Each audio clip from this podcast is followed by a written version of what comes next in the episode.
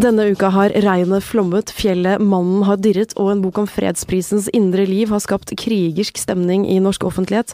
Geir Lundestad, tidligere direktør for Det norske Nobelinstituttet. Hvordan har din uke vært? Jo, den har vært eh, travel, og det må jo ses på som positivt. Når du gir ut i bok, så vil du jo gjerne ha litt oppmerksomhet og publisitet. Eh, dette har jo kanskje vært eh, litt i overkant, men uh, man kan ikke klage. Må, jeg må si meg fornøyd med det. Dette er mye bråk, men egentlig ganske gøy. Bråk kan være litt gøy av og til òg? Altså, jeg er jo nordlending, sånn at uh, vår definisjon av bråk og støy er nok litt annerledes enn de fleste andre sine definisjoner. Dessuten har jeg tilbrakt et mesteparten av mitt liv innen akademiske verden, og der krangler vi hele tida på liksom temmelig direkte måter, sånn at uh, jeg har hatt et utgangspunkt som har eh, gjort det lett å forholde meg til et betydelig støynivå. Den er god. Eh, også i studio er Line Skåber, skuespiller, komiker, forfatter, nå også oversetter og Norske Talenter-dommer, og tidligere spaltist i VG Helg, og i tillegg så har hun løpetights og løpt en mil før hun kom hit. Eh, vi skulle snakke om skam, Linn, men jeg føler at du, du er nærmest en superkvinne her du sitter. Jo, jo. Eh, men eh, nei, jeg er ikke det, altså. Jeg, holdt å si jeg, jeg, hadde jo vært hos legen fordi jeg er litt skral form og tatt noen blodprøver, så jeg mener vi kan legge til det, og så blir det litt bedre. Tusen takk, kjennes mye bedre enn nå. Nå får du mange telefoner. Dora Thoralsdottir, komiker og terapeut. Det er en litt artig blanding. Eh, det er veldig selvmotsigende, for det, når man sier komiker og terapeut, så høres man ikke spesielt morsom ut, og ikke spesielt god nei, som terapeut. Så det slår det ene, det andre. Det ene slår det andre i hjel. Men jeg er faktisk det det. Jeg er standup-komiker og relasjonsterapeut. Mm. Hvor mye bruker du av det som skjer i terapien din i komedien din? Eh, du, jeg, det er jo mange som tror at hvis de forteller noe hemmelig, så løper jeg ut og forteller på scenen. Det er jo egentlig veldig sjelden noe morsomt å høre på andres problemer på en standup-scene. Men eh, jeg blir veldig inspirert av dysfunksjonelle familier og mye sånn eh, hvordan folk er i verden som inspirasjon til standup. Men jeg bruker ikke historiene direkte. Så er, jeg liksom blir inspirert, kan man vel si. Nettopp. Eh, Lin og Dora, vi skal sammen grave oss ned i den brennende, sviende følelsen av skam. Eh, kanskje også kaste skamfølelsen ut av vinduet. Det skjer litt senere i sendingen.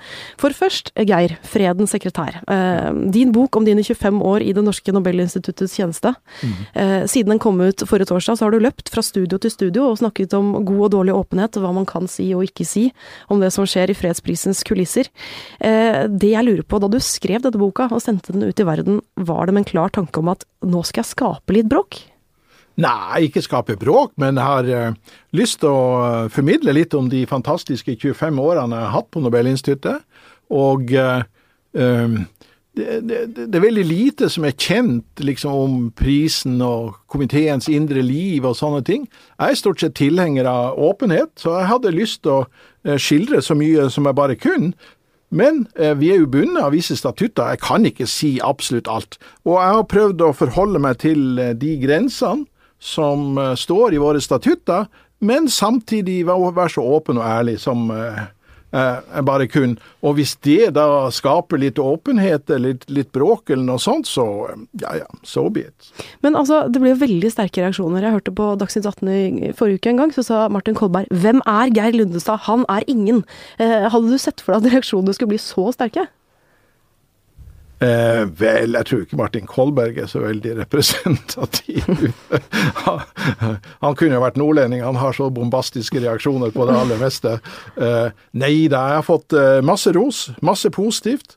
Eh, eh, så har det vært en del andre ting som ikke har vært eh, like hyggelig, men jeg kan ikke klage når du gir ut ei bok og får så mye oppmerksomhet og får så masse salg som jeg har fått, så kan du ikke klage. Hvor mye, hvor mye gruer du deg til å gi ut en sånn bok kvelden før du liksom veit Nei, jeg gruer ikke meg det aller minste, dette er jo helt frivillig. Det er bra, det her har vi, da kan vi begynne å snakke om skam en gang, det er bra det. Ja, han har jo det, det er jo helt frivillig, jeg var jo ikke nødt til å skrive Nei. denne boka. Nei. Men jeg har vært professor i historie halve mitt liv, mm. og uh, jeg liker å fortelle. Uh, og, og når du da har vært i 25 år i en sånn jobb som jeg har vært, så, så, har du jo masse interessant å meddele verden. Mm. Og uh, jeg syns det ville vært uh, litt uh, skammelig om jeg ikke da hadde prøvd å åpne opp og la allmennheten få et lite gløtt bak døra på Nobelinstituttet.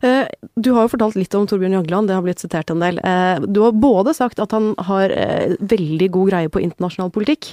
Så har du også sagt at han har litt dårlige sosiale antenner. Han forteller vitser som ikke alltid er så morsomme ved en storstilt middag, f.eks. Eh, hva tenker du er bra for Norge-nasjonen å få høre denne type historier? Ja, jeg har jo vært så heldig at jeg har jo møtt ikke bare de mest fantastiske folk i form av prisvinnerne, og jeg skildrer jo eh, disse prisvinnerne som jeg har møtt gjennom 25 år. Fra Gorbatsjov i 1990 til eh, Malala og Satyarti i 2014. Jeg kommer dem jo veldig nært inn på livet. Jeg følger dem omtrent hvert eneste skritt de tar. Så eh, jeg har prøvd å skildre også disse personene. Men så har jeg jo hatt seks komitéledere da, gjennom disse 25 årene. Og tja, da tar jeg på meg historikerhatten min, og så Sånn som jeg har vurdert for andre folk når jeg skriver vanlig historie, så tenker jeg at ja, ja, ok, da får vi skrive litt om disse seks personene, sterke og svake sider. Og Jagland er en eh, utrolig fascinerende mann, fordi at han har noen veldig sterke sider, og så har han noen veldig svake sider. Og det har vi vel i og for seg alle, da, men, men, eh, men blandinga er nesten litt ekstrem eh, hos Torbjørn Jagland. Dora Linn, for dere som har stått utenfor og sett på dette sirkuset, er det litt gøy at det kommer litt sånn juice fra den ellers så ærverdige og plettfrie eh, fredspriskomiteen? Yes, jeg har aldri tenkt på det som noe plettfritt, egentlig. Jeg har tenkt på at det er eh, ikke noe stygt heller, men jeg har tenkt på at det er en hemmelig verden som jeg absolutt har lyst til å se litt inn i. For det dreier seg om folket, det dreier seg om verden. Så det, på en måte så føler jeg at det er liksom litt rett å få kikke litt inn på det òg. Mm. Eh, det med Jagland, det har vi vel sett i avisene før. jeg har jo det, jeg har hørt han synge og vitse og alt. Og det, det, er klart, man kan si det om mange store politikere som goofer litt på akkurat det humorbeinet, men på en annen side så gjør de jo litt menneskelig òg, da. Det. Eh, vi er jo i Helgesart litt interessert i hvordan folk har blitt som de ble. Eh, og jeg leste at da du var tolv år, eh, vokste opp i Bodø, så sparte du ukelønna di for å få kjøpt deg Aschehougs verdenshistorie i åtte bind. Var du litt annerledes enn de andre gutta på skolen i Bodø? Ja, det var jeg nok. Det var ikke så mange som kjøpte Aschehougs verdenshistorie i åtte bind, for å si det sånn. Heller ikke mine historielærere kjøpte Aschehougs verdenshistorie i åtte bind, så jeg kunne nok være en pest og en plage for mange av historielærerne også. Men du vet, i Bodø var det én ting som telte. Det var at du var god i fotball. Eh, så det var jo det jeg egentlig drev med. da. Nei, Var du det òg? Ja, ja, det er en veldig sjelden kombinasjon. Jeg, var, jeg, spilte på Bodø-Glimts A-lag da jeg var 17 år. Og eh, hvis jeg hadde valgt å satse på fotballen i stedet for mine studier, så kunne jeg ha blitt en treg midtbanespiller på Glimt. så, så, jeg kunne nok ha klart å fått en god del eh, A-lagskamper. Jeg fikk jo bare noen få. Men jeg hadde ikke det store talentet. Jeg var altfor treg. Jeg kunne ikke ha blitt noen stor spiller. Det kunne jeg ikke blitt. Det skal du ikke si for sikkert, for jeg var jo i studio med Jon Arne Riise for en stund tilbake, i et annet studio, og da sa han ganske søtt, eh, faktisk, ydmykt og fint. Han sa at han var aldri noe talent. Så han visste at han måtte jobbe mye mer enn alle de andre, så han øvde dag og natt. Så hadde du gjort det, du. så kan vi også diskutere om Jon Arne Riise hadde nok ufattelig mye mer talent enn jeg hadde, det er klart. Han ville sikkert ikke blitt historieprofessor, da. Nei, det, det tror jeg kan underskrive på. Men du, eh, jeg har også sett at du har, eh, at du har beskrevet deg selv som litt sånn introvert og sjenert. Hvordan går det hånd i hånd ved å, stå ved siden av de store verdenslederne som er til stede for å motta en av verdens mest prestisjefulle Det går veldig dårlig. Uh, altså, jeg var, og er på mange måter fortsatt en introvert person. Jeg trives veldig godt i mitt eget selskap. Og eh, hvis jeg har problemer, så er det ingenting som er bedre enn å gå en lang tur, da. Men eh, det er jo klart, eh, jeg var jo tyvheldig i valget av ektefelle, da. Hun er jo en ekstremt ekstrovert person, og hun innførte jo kyss og klem i vår familie, så det var jo ingen som torde å la være å kysse klemmen klemme når vi møtes, så nå er det ikke måte på. Og og det er klart, jeg skjønte jo at hvis jeg skulle ha en jobb som direktør på Nobelinstituttet, så jeg måtte bare forandre personlighet. Um, jeg, må, må, lære meg sånne her ting som å sitte og prate med deg om alt mulig slags rart. Mm. og Nei, det går aldeles fint. Jeg var jo ganske bekymra egentlig da jeg begynte på denne jobben i 1990. Tenkte på nå skal jeg møte alle, eller ikke alle, men mange av de ledende personene i verden da. og hvordan skal jeg forholde meg til dette? Jeg er jo en uformell type. og jeg er ikke det minste interessert i sånne kniver og gafler og glass og skikk og bruk og alt sånne der ting. Det er meg totalt likegyldig. Mm. Men så, det går jo bare ett år. Så går det bare så første året, så skjønner du at det er jo ikke du som skal ta deg av kniver og gafler og glass, det er jo helt andre som tar seg av Det går jo helt av seg sjøl. Prisvinnerne, de er interessert i én ting seg sjøl. og, og, og, snakke om det de holder på med. Ja. Og det er klart, det er, jo, det er jo det jeg også brenner for. Så du oppdager jo at du kan snakke med dem om det som de er eh, genuint opptatt av. Og det er jo det, jeg har jo studert disse folkene på, nært hold før de får prisen, da, for å se at de er det rette. Så det er kjempeartig. Det er bare å slappe av og kose deg. Mm. Så eh, eh, jeg har nok fremdeles introverte trekk, vil min kone si. Eh, men eh, jeg har eh, forhåpentlig lært meg de reglene for, eh, som gjelder for å opptre i den eh, store verden. Det meste går bra når man har en sterk kvinne i ryggen, vet du. Ja, jeg skal akkurat spørre Dora. Dette kan du vel si noe om sånn samlivsmessig? Det høres ut som en lur plan. Å, det er så koselig å høre folk som har vært gift så lenge snakke så varmt om Ja. partneren sin nå. Det syns jeg også er veldig rørende. Ja, det begynner vi stadig uvanlig. Mer uvanlig. Jeg bor jo eh, i en bydel på jeg bor jo på Frogner. Der er det jo ikke så mange som er i min posisjon, som kan skryte uhemmet av sin partner og hatt den samme i 50 år. Nei, nei. Å nei, det er, ikke, det er ikke hovedstaden for de lange ekteskap. Nei, Frogner. det er ikke det. det, er ikke det. Jeg skjønner. Men du, jeg fikk nesten litt sånn vondt av deg i går, for at da kom jo denne nyhetssaken om at nå får ikke Geir Lunde seg ha kontoret sitt lenger, som du har sittet og jobbet med denne boka på. Det stenges for deg fra, fra årsskiftet. Eh, er, har noe av denne, denne bråket gått innpå deg? Og, og når du da kommer hjem til Åse, kona di, eh, hva, hva sier hun til deg da? Får hun deg liksom ned på jorda og, og eh, i vater igjen? Til de grader.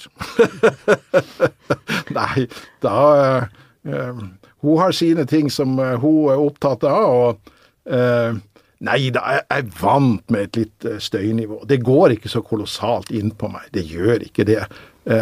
Men min kone er redd for at jeg skal ta skade alt dette der. Men eh, nei da. Det, Men er, er det nordlendingen eller er det akademikeren som tåler en støyt, på en måte? Du sier Det er vel du- begge deler. Det, Ja. altså, de, fly, de flyter sammen. Og eh, det er jo klart eh, eh, altså det, Her er jo veldige kulturforskjeller. Jeg er veldig stolt av min nordnorske bakgrunn, fordi at da kan vi snakke rett ut, og vi kan ta imot ting også. Det er jo det som er veldig nøye. Eh, Hvis du gir, så må du jaggu ta imot også. Jeg har ingenting i eh, problemer med å ta imot kritikk heller. Men eh, så, så jeg føler på mange måter at det har hjulpet meg. Men vi må jo eh, vi må jo også være litt forsiktige. Det er klart, eh, det er forskjellige tilnærminger rundt om i verden. Du skal jo ikke lenger inn til Sverige før du opplever en viss kulturkonflikt. Eller du skal egentlig ikke lenger enn til Oslo. Nei, det er nok sant. Nettopp, ja. Men du, nå skal du eh, straks videre til Genéve. Du har jo pakket kofferten din. Vi skal sende deg i går om ikke så lenge. jeg, Men jeg eh, er historiker og er veldig opptatt av det. Alltid holde sine faglige eh, kvalifikasjoner på topp. Så nå skal jeg på en stor kaldkrig, kaldkrigskonferanse. Eh, og innlede om slutten på den kalde krigen. Så eh, Vi skal straks sende deg av gårde til det, men du får ikke dratt før vi har hatt et tema til her i denne lille podkasten. Vi skal nemlig snakke om samtidslidelsens skam. Og nå blir det gøy her! Nå blir det gøy. Nå skal vi kose oss! Nettopp. Altså, I VG Helg så kaller vi eh, skam for vår tids samtidslidelse. Altså det, vi snakker om den brie, eh, sviende, brennende, ubehagelige følelsen av at eh, du har avslørt deg selv som et udugelig individ. Cirka sånn defineres det i leksikon. Eh, stemmer det? Er, er det det som er skamfølelsen, Dora? Eh, ja, det er jo et kjempesvært tema. Og det er Jeg vil gjerne liksom differensiere mellom giftig skam eh, og sunn skam. Fordi at det, vi har jo skam som en følelse i oss, som en slags sånn For å regulere oss litt i vår atferd. Sånn at hvis du gjør veldig ufine ting mot et annet menneske, så skammer deg. Hvis du skjeller ut sjefen i fylla eksempel, et sånn klassisk eh, problem, eh, så får du en skamfølelse gjerne dagen etter. Og det er en sunn skamfølelse, egentlig, for du kan faktisk gjøre noe med det. Du kan si unnskyld, eller du kan liksom prøve å rette opp. Men det som er fryktelig skadelig, er faktisk den giftige skammen som blir påført av andre. Som er eksempel å vokse opp med alkoholikerforeldre, for eksempel, eller, eh, ja, det, eller seksuelle handlinger som blir gjort mot deg. At du, da opplever du skam rundt det, og det får du på en måte ikke gjort så mye med. Da. Du kan få gjort det i terapi og sånn, men, men det gjør veldig, veldig mye med deg. Så hvis jeg skal bare dele skam i to, så er det gifteskam og sunn skam. Eh, og, sunn, og gifteskam er veldig, veldig skadelig. Men jeg ser jo ekstremt mye skam når jeg har folk i terapi, hvor mye folk skammer seg over. For det handler jo om Det er veldig knytta til selvfølelsen. Liksom den innerste følelsen av din verdi. Sånn at eh, jeg syns det er veldig vondt å se hvor mange som syns at de ikke er bra nok, og som skammer seg i forhold til det de jobber med, eh, og ulike eh, ting som vekker skam i dem. Da. Det er veldig, veldig utbredt og veldig, veldig destruktivt. Linn, nå var det siste gang du kjente på skamfølelsen? Skamfølelsen hva kan altså, For meg så handler det kanskje om eh, Min konkrete skam handler kanskje ikke for å være god nok for mennesker rundt meg, da. Det vil jeg si er en ganske sikkert sånn kvinneskam, som kanskje ikke menn eh, tenker så mye på. Jeg veit ikke. I hvert fall sånn i dagliglivet så er vi jo litt sånn, ja. Er det kolleger først og fremst da, eller er det mer sånn venner? Ja, nei, jeg tenker mer på venner og familie og sånn. Kollegaer tror jeg vi har levd såpass langt liv liksom, i det proffe at du klarer å skille litt, da. Men ikke helt. Du har dårlig samvittighet der hele tiden nå. Jeg jobber veldig mye med å tenke litt på det. Jeg er veldig enig med Dora. Jeg tror det, disse to typer skam er veldig viktig å definere. For i den sunne skammen så ligger det på en måte en slags eh, vil jeg si, en selvransakelse og en sjenanse som jeg tror det er bra å ha med oss i livet. Vi skal jo ikke gå rundt som dampveivalser og tenke at det å være skamløs er helt fantastisk. Vandre uten truse gatelangs. Det er ikke det, er ikke det vi mener. Men eh, når du, når du ødelegger deg selv, og når du merker at andre påfører deg skam, for det er jo en av vår tids største hersketeknikker òg, kan være, hvis du bruker det stygt. Eh, Det er jo en ekspert i VG som sier at skam ligger i bunnen av nesten alle eh, moderne psykiske lidelser. Om Ja, det det er eh, spiseforstyrrelser, om det er angst, om det er depresjon, til og med vold. At det er drevet av den der følelsen av at man bare ikke er god nok som menneske. Har du tro på det, Dora? Ja, jeg har veldig tro på det. Og så er det, syns jeg det er utrolig interessant. Det er jo blitt forska mye på skam, og det er en som heter Brené Brown som har bare brukt viet sitt forskerliv på det. Og jeg syns det er veldig interessant, men hun snakker om at menn har en sånn eh, skamtrigger, en ting som vekker skam i dem umiddelbart, og kvinner har to ting som generelt liksom eh, trigger skam hos dem. Og det er uavhengig av hvem du er, på en måte, da. Og hos menn så er det sårbarhet, det å virke svak. Det å ikke være mann nok, ikke sant. At det kan vekke skam. Derfor er det f.eks. færre menn som kommer i terapi, færre menn som forteller hvordan de egentlig har det. For de har det i seg at de skal være sterke for å være bra nok. Og med en gang de viser en svak side, eller liksom sårbarheten sin, da, så, så kommer de til kort, føler de Da føler de seg skamfulle. Så det syns jeg er utrolig interessant, for det fører så mye med seg. Men hva er det de mennene gjør da? Altså Hvis du har den følelsen, eh, og så kan du ikke sette ord på det og vise sårbarhet. Det blir veldig ofte å flykte fra den følelsen av ubehag, og da er det gjerne å fylle tiden med å gjøre alt, jobbe altfor mye f.eks., drikke altfor mye. Og faktisk så tenker jeg når jeg ser på Birken og sånn, så tenker jeg der er det mange som har hatt så godt av å gråte litt. Fordi det er mye flukt ute og går eh, i trening også. Sånn ekstrem eh, Eller tredemølla i Lekebergskogen. ja, ja, ja. Alt som er litt sånn ekstremt, da tenker jeg at det er veldig ofte å løpe vekk fra noe som banker på. Venninna mi løper med døden i knehalsen. Altså, jeg vil jo si det at eh, som historiker, så hvis du ser litt historisk på dette, det var jo mye mer skam før. Ja, ja, ja. Lista mer. over Ja, ja. det som var skammelig, den var, eh, og som ikke, eller syndig, den var superlang. Ja, Ja, ja, ja. Eh, alle Du skal, som du er. skal bare tilbake til 50-60-tallet. Te- Tenk på liksom, hva var lov for kvinner? Ja. Eh, åpenheten om eh, homoseksualitet, null! Det var jo nesten skuddpremie, ikke sant? Yeah. Eh, Og et helt samfunn var med på det. det. et helt samfunn var med på det, og, det, og det var, det liksom, reglene var så klart definert. Hvordan skulle gå kledd på jobb på søndager. Jeg husker jo når vi vokste opp og fikk barn. og ja, ja, på søndag går du tur, og da har du gjerne slips på deg, og da er du kledd sånn og sånn og sånn. Mm. Veldig mye mer fasit. Det var, det var regler for alt. Så vi lever jo i samfunn nå som er mye, mye friere enn det var tidligere. Mm. Og det skal vi være kjempeglad for. Vi skal være fri. Jeg tror det vi blander litt sammen her nå, det er Vi snakker eh, om at vi føler oss utilstrekkelige. Eh, om, om, om dette er skammelig eller syndig eller gud vet hva. Men det er i hvert fall veldig mange som føler seg utilstrekkelige. Eh, Motgifta med det er jo ganske klar. Det er jo å, å på en måte tørre å stå litt opp sjøl og definere sine eh, normer sjøl, og ikke liksom akseptere alle disse idiotiske krav som samfunnet, eller deler av samfunnet, det er særlig den kommersielle kulturen, prøver å påtvinge oss. Herregud, vær fornøyd med det du er, sånn som du er. Ja, jeg er helt enig, men det er samtidig så handler det jo om noe i deg selv, ikke sant. For du sier samfunnet nå, men det kan jo like så godt være fra tradisjonene dine, Ja, foreldrene dine, ja, ja. Og de er ganske ofte enda sterkere. Jeg leste en stor uh, norsk eh, skrivekunstner, ikke sant, om en, han døde da han var 80 år for noen år siden, og han sa at han uh, klarte ikke å skrive godt nok før foreldrene døde. Og det er ganske eh, sårt å si. Ja. Fordi da vil det si at du et helt liv bruker på både å være veldig glad i foreldrene dine, men skamme deg så mye for dine egne tanker at du ikke klarer å skrive godt nok før de er døde. Og så mye skam kan man påføre seg som ikke er bra nok. Og mange har det nok litt sånn. For vi vil jo ikke være stygge mennesker i forhold til den oppdragelsen vi har fått, eller i forhold til det. Eh, samfunnet eller nære folk forventer av oss, da. Men du oppdaget jo rett og slett et lite stykke familieskam, du, da du fikk gravd i historien din på Ja. sånn Hvem tror du at du er-program på NRK for litt siden. Ja. Hva var det du fant der? Nei, jeg fant jo rett og slett øh, øh, Altså, det som var innmari fascinerende med den historien, da, sånn litt privat, er at mm, de som har lært meg at skam ikke er viktig, er jo en store deler av nettopp den siden. Av familien din? Ja. Ja.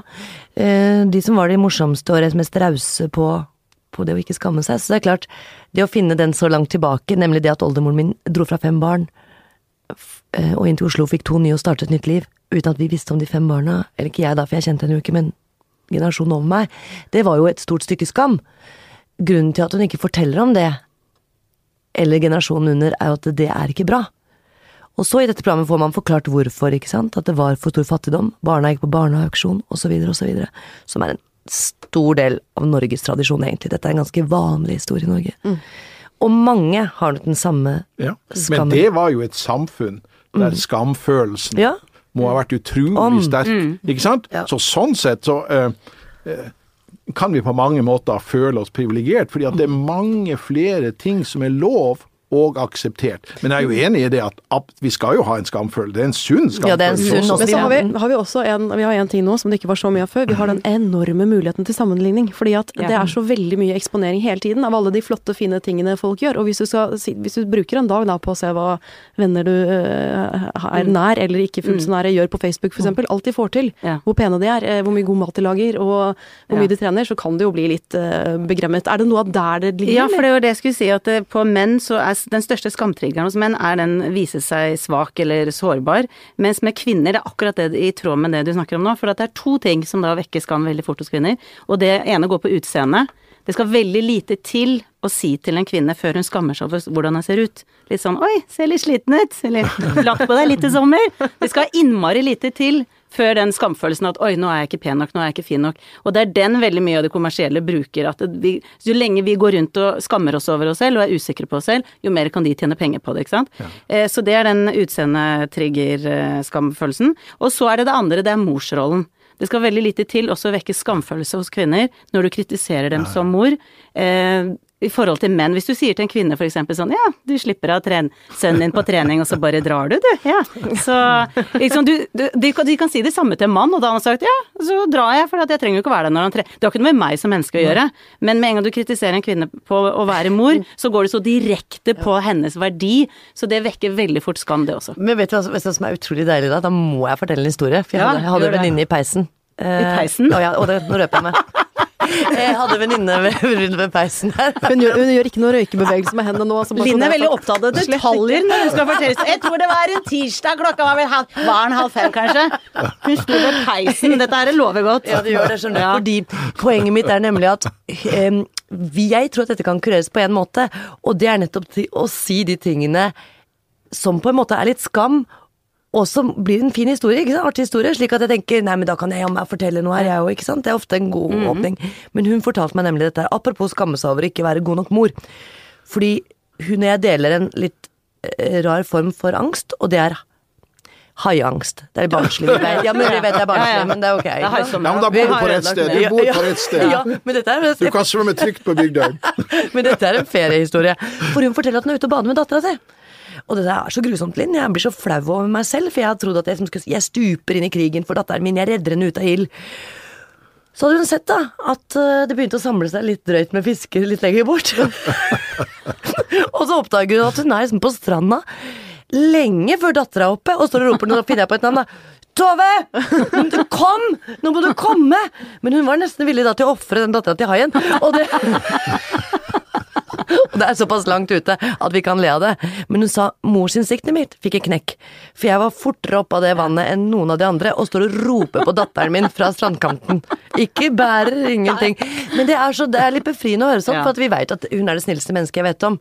Men instinktet hennes Ja. turte hun å snakke om, og det er litt det menneskelig. Gjør det litt menneskelig, ja. Ja, Man må gjøre det litt menneskelig. Men- Men jeg hørte deg på en annen podkast, vår lille søsterpodkast her i i VG, hvor du var inne på at altså, du har jo en sønn, eh, som Nils, det, mm. dere har et fint forhold, du snakker mye fint om han. Eh, men du sa noe om at det å holde skammen ute eh, er et mål også eh, Ja, det er når du tenker på han, da, at han skal klare å få det til. Hvorfor, hvorfor er skam et tema i din barneoppdragelse? Eh, jeg vet ikke hva moren og faren min har tenkt, men for meg så har det gitt meg en veldig stor frihet. Det har gitt meg eh, en mulighet til å snakke åpent. Ikke nødvendigvis hardt, ikke nødvendigvis stygt, ikke nødvendigvis godt, ikke nødvendigvis søtt, men jeg, noe med å si hva jeg mener uten å trekke meg hele tiden. Jeg har, som alle andre, følt skam. Altså virkelig. Men eh, hjemme hos meg så har det ikke vært så Jeg skal ta ett eksempel som er litt, litt dårlig, men litt gøy. Jeg husker en gang jeg sto alene i Bergen på rød løper. Nå må du holde deg for deg, for det er litt grovt. Eh, Jeg tåler det. Okay. For å si til en nordlending. Det kan tenkes at jeg banner i løpet av denne. Det. Men jeg står på rød løper, og så blir jeg så fascinert av hvor mye blitz som er på meg. For det er akkurat da jeg begynner med Nytt på nytt. Så jeg får så sjokk. Herregud, alle disse her skal ta bilde av meg. Så roper de ting til meg sånn 'Linn, hva gjør du her?' Og det var Spellemannprisen. 'Hva gjør du her?'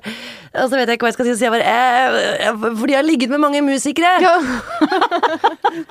kling, kling. Om og om igjen hører jeg det som et ekko i Du så forsiden Ja, jeg så forsiden, og de kunne jeg da lese dagen etter også. Ja. Så det står det. Linn er i Bergen på Spellemannprisen fordi hun har ligget med mange musikere. Skammer meg så mye at jeg ringer min mor ikke sant, og bare sier det her orker jeg ikke å forholde meg til. Jeg, jeg, jeg vet ikke hva jeg høres ut på på den røde løperen, men det bare kom. Og den som ler råest og høyest, er jo moren min. Så Å, dette er det gøyeste jeg har hørt. Nei, ha-ha, du er jo komiker, du. Dette er gøy. Men jeg sier, det gjør jo at jeg blir jo litt fri. For jeg står jo ikke og skammer meg på et helt lands eller mine foreldres eller min families vegne hver gang jeg skal si noe. Det kan til og med være veldig teit. Man skal selvfølgelig gjøre så godt man kan. Så godt man kan. Det, det er min leveregel. Ja, så Men du blir aldri perfekt. Alle kan bare slappe helt av. Du kommer aldri til å bli perfekt. Bare gi det opp. Og jeg ser på mange Jeg bor- jo rett opp med Frognerparken. Jeg går i Frognerparken. Jeg ser på mange av disse her som er nesten perfekt. Jobber, jobber, jobber livet av seg for at de skal komme enda litt nærmere er det perfekte. De, de kommer aldri i mål. Bare glem det. Du må bare jogge så mye du vil. Ja, ja. Men du må bare innse at du blir aldri perfekt. Men kan jeg få si en liten ting om det du sa, Dora? For jeg, jeg er litt uenig. og det jeg tenker på sånn til unge jenter og sånn som skammer seg når de ser Eller på vår, min alder og din alder, egentlig 40-45. Eh, kvinner som snakker om dette, og det er så perfekt på Facebook, og kaker og sånn. Eh, og vinduene er vasket, og barna er kledd og sånn. Men er det ikke ti år siden vi, vi bare begynte å le litt av det? At ting var som en perfekt virkelighet? Jeg må bare spørre om det, fordi s- sånne venner Jeg tenker at jeg syns det ser litt kjedelig ut. Og at det, ja, men det mener jeg seriøst, altså. Ja. ja. for vi er vel ferdig med det. For jeg skjønner at når Facebook kom, så var det Oi, er det sånn de har det hjemme? Jo, men etter hvert kan så har vi lest for mye om det. Altså, du har jo eh, vår statsminister. Hun eh, eh, Mange hadde jo et eh, veldig perfekt bilde av henne. Men så ble det laget et intervju med henne da i Dagbladet. Ja.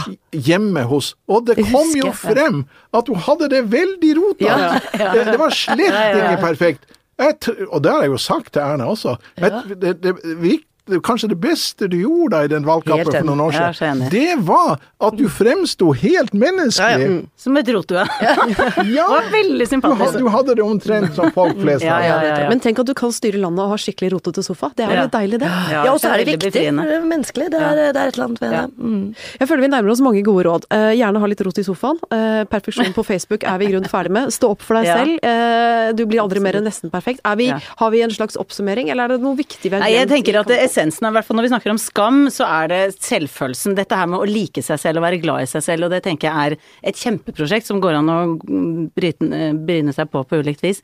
Men jeg tror nok at det er veldig mye av det som skal til for å komme litt ut av det. fordi at eh, hvis du skammer deg, hvis du har lav selvfølelse, så er det så mye som skal, lite som skal til før du skammer deg. Mens hvis du har, er ganske trygg på deg selv, så kan du si sånn som Linn, eh, liksom rope ut sånne ting, og så tenke sånn ja ja, det er jo, jo jo gøy. Dora, hvis vi sier det mye, så kanskje man kan Kan man ikke dele litt på de dårlige historiene også? Jo, det er nettopp det. Åpenhet. Jo, men det er nettopp det at når vi er litt mer ærlige om oss selv og ting vi ikke har fått til, og så hører vi andre også fortelle om det, så bryter vi jo ned skammen. Det er jo nettopp eh, det motsatte når vi prøver å virke fremstå perfekte. At vi skaper avstand til folk, og så blir det sånn Å, her kan jeg ikke si noen ting, for da skammer jeg meg med en gang. Så jeg tenker at jo mer åpne folk er om seg selv, eh, gjør at det blir mindre skam generelt. Del skammen. Jeg tror vi Tenk deg, konkluderer på det. at, at Ja.